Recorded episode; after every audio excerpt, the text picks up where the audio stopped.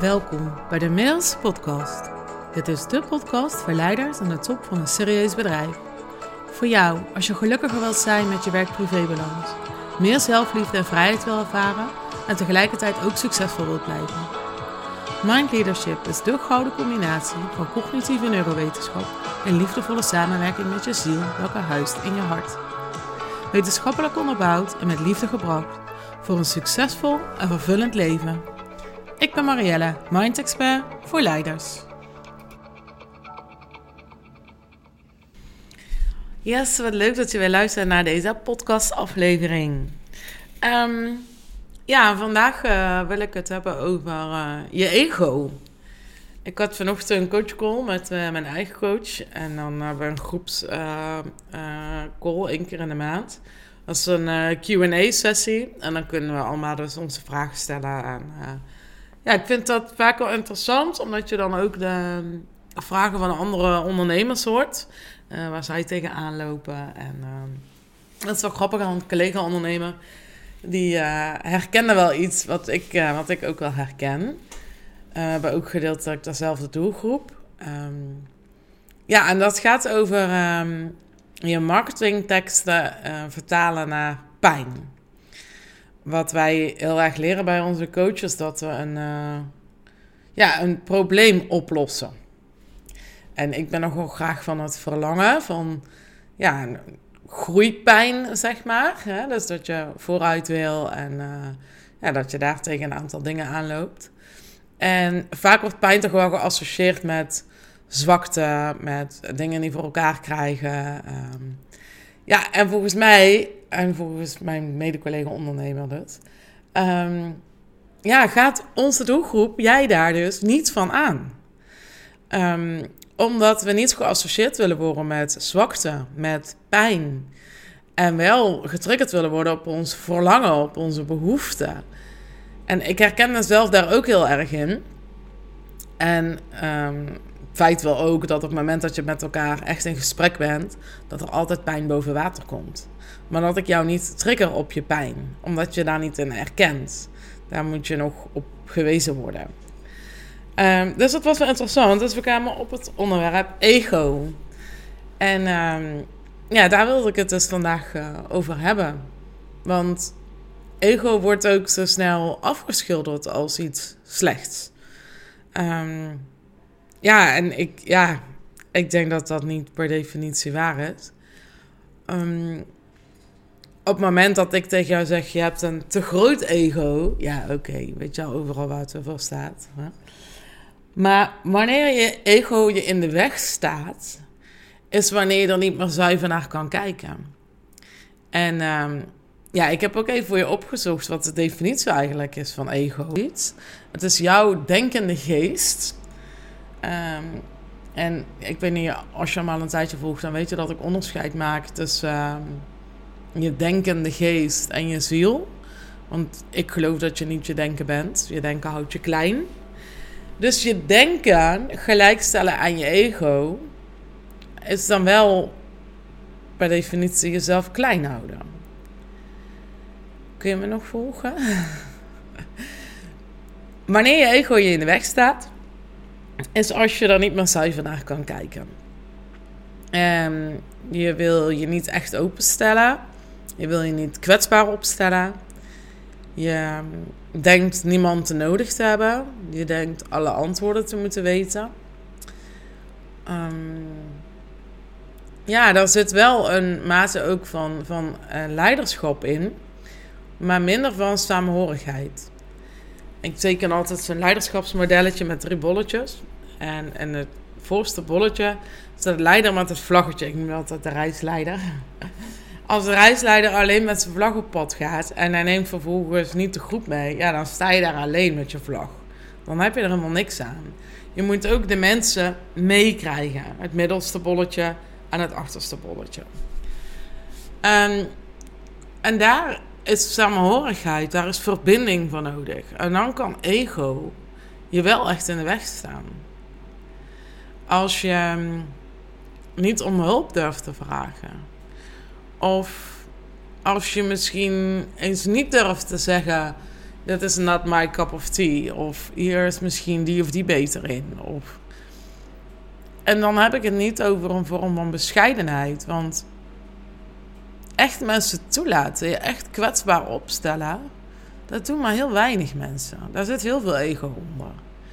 En zo ik zelf ook. Er zijn echt momenten waarop ik het heel moeilijk vind om me kwetsbaar op te stellen. En het moment dat ik dat wel doe, neem ik daar gelijk weer leiding over. Dus dan kondig ik het vast aan. Dan is het nog steeds niet echt kwetsbaar. Snap je? Dan neem je daar nog steeds leiding over, want dat vindt mijn ego dan toch fijn. En het voorbeeld kwam vandaag ook eh, naar voren in de coaching dat er een, eh, een uh, vrouw was. En ja, die wil graag haar warme netwerk gebruiken voor het aanwerven van nieuwe klanten. Ja, en dat vindt ze lastig om te vragen, want had echt zoiets van: dan moeten ze voor mij gaan lopen leuren. Ja, terwijl dat dus ook gewoon een vorm van kwetsbaarheid is. Gewoon je bestaande klanten durven vragen om nieuwe klanten.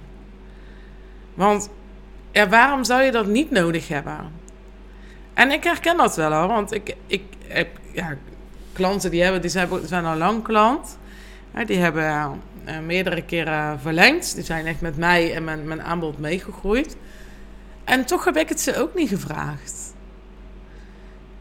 Ja, terwijl je dan denkt, ja, hoezo dan? Waarom zou je daar niet kwetsbaar in durven zijn? En gewoon durven zeggen van, nee, jij bent super enthousiast over mij. Voor wie kan deze samenwerking nog meer interessant zijn? voor wie kan ik nog meer van toegevoegde waarde zijn? Wat zou een potentieel goede klant voor mij zijn? Dat vragen we vaak niet. Want dat maakt ons een beetje kwetsbaar. Want dan heeft de ander daar misschien een verhaal bij of een mening over. Of...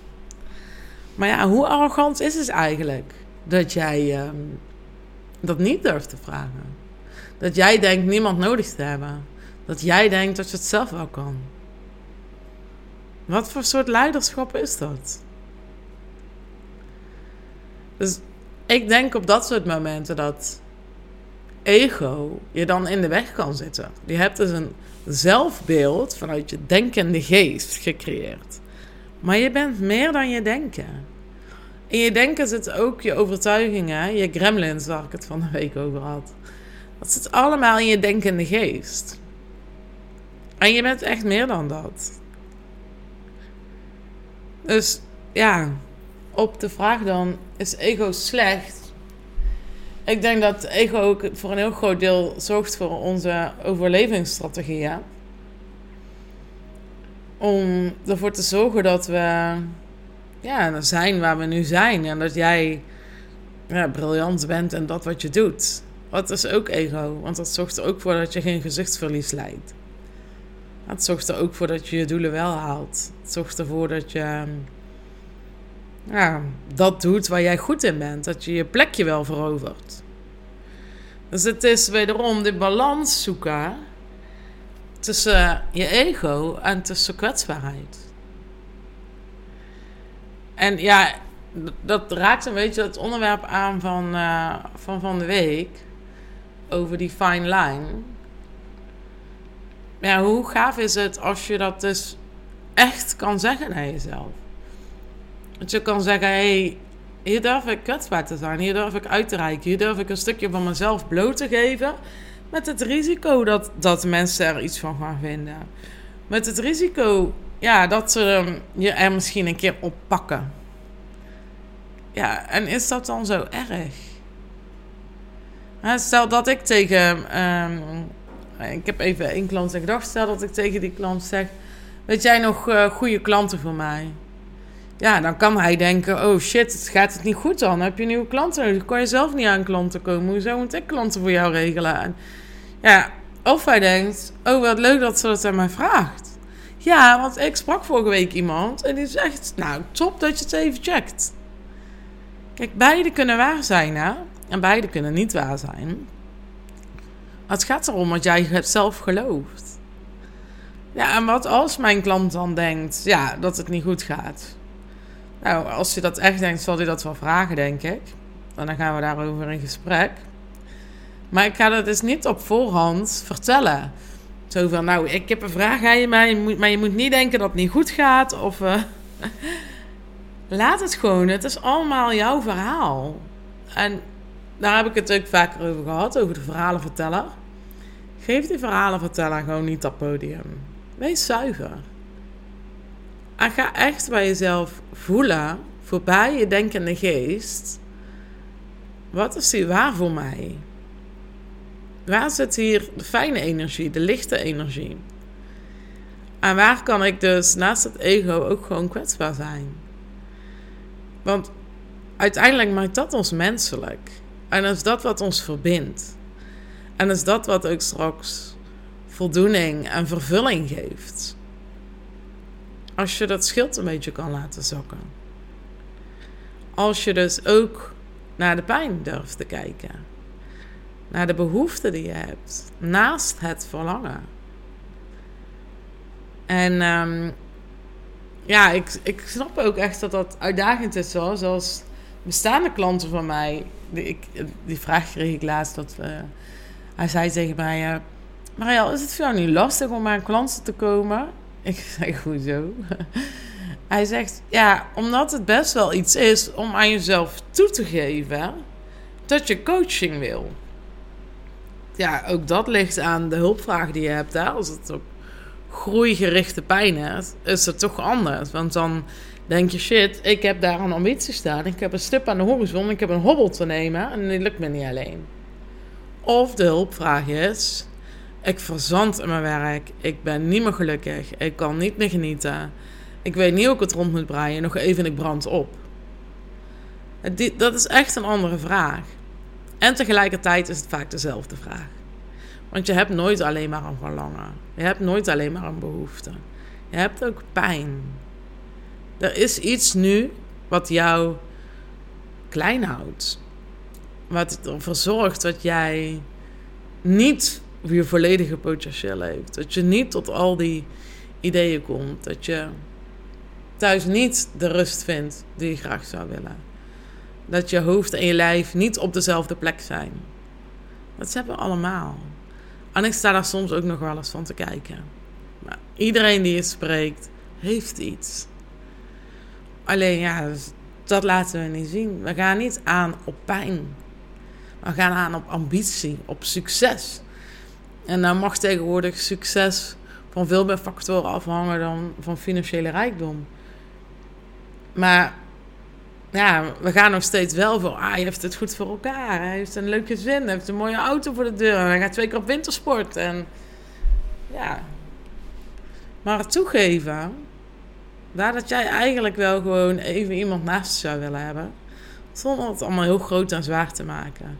Maar bij wie het even neer kan leggen. Waar het wel even over jouw onzekerheid mag gaan.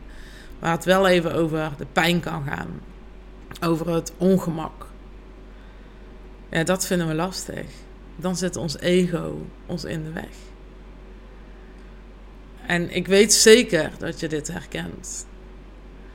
Dat er iets is in jouw leven wat je eigenlijk echt aan mag kijken. Wat je eigenlijk echt moet aankijken. Wat je niet meer moet willen ontwijken. Waar je gewoon verantwoordelijkheid voor mag nemen.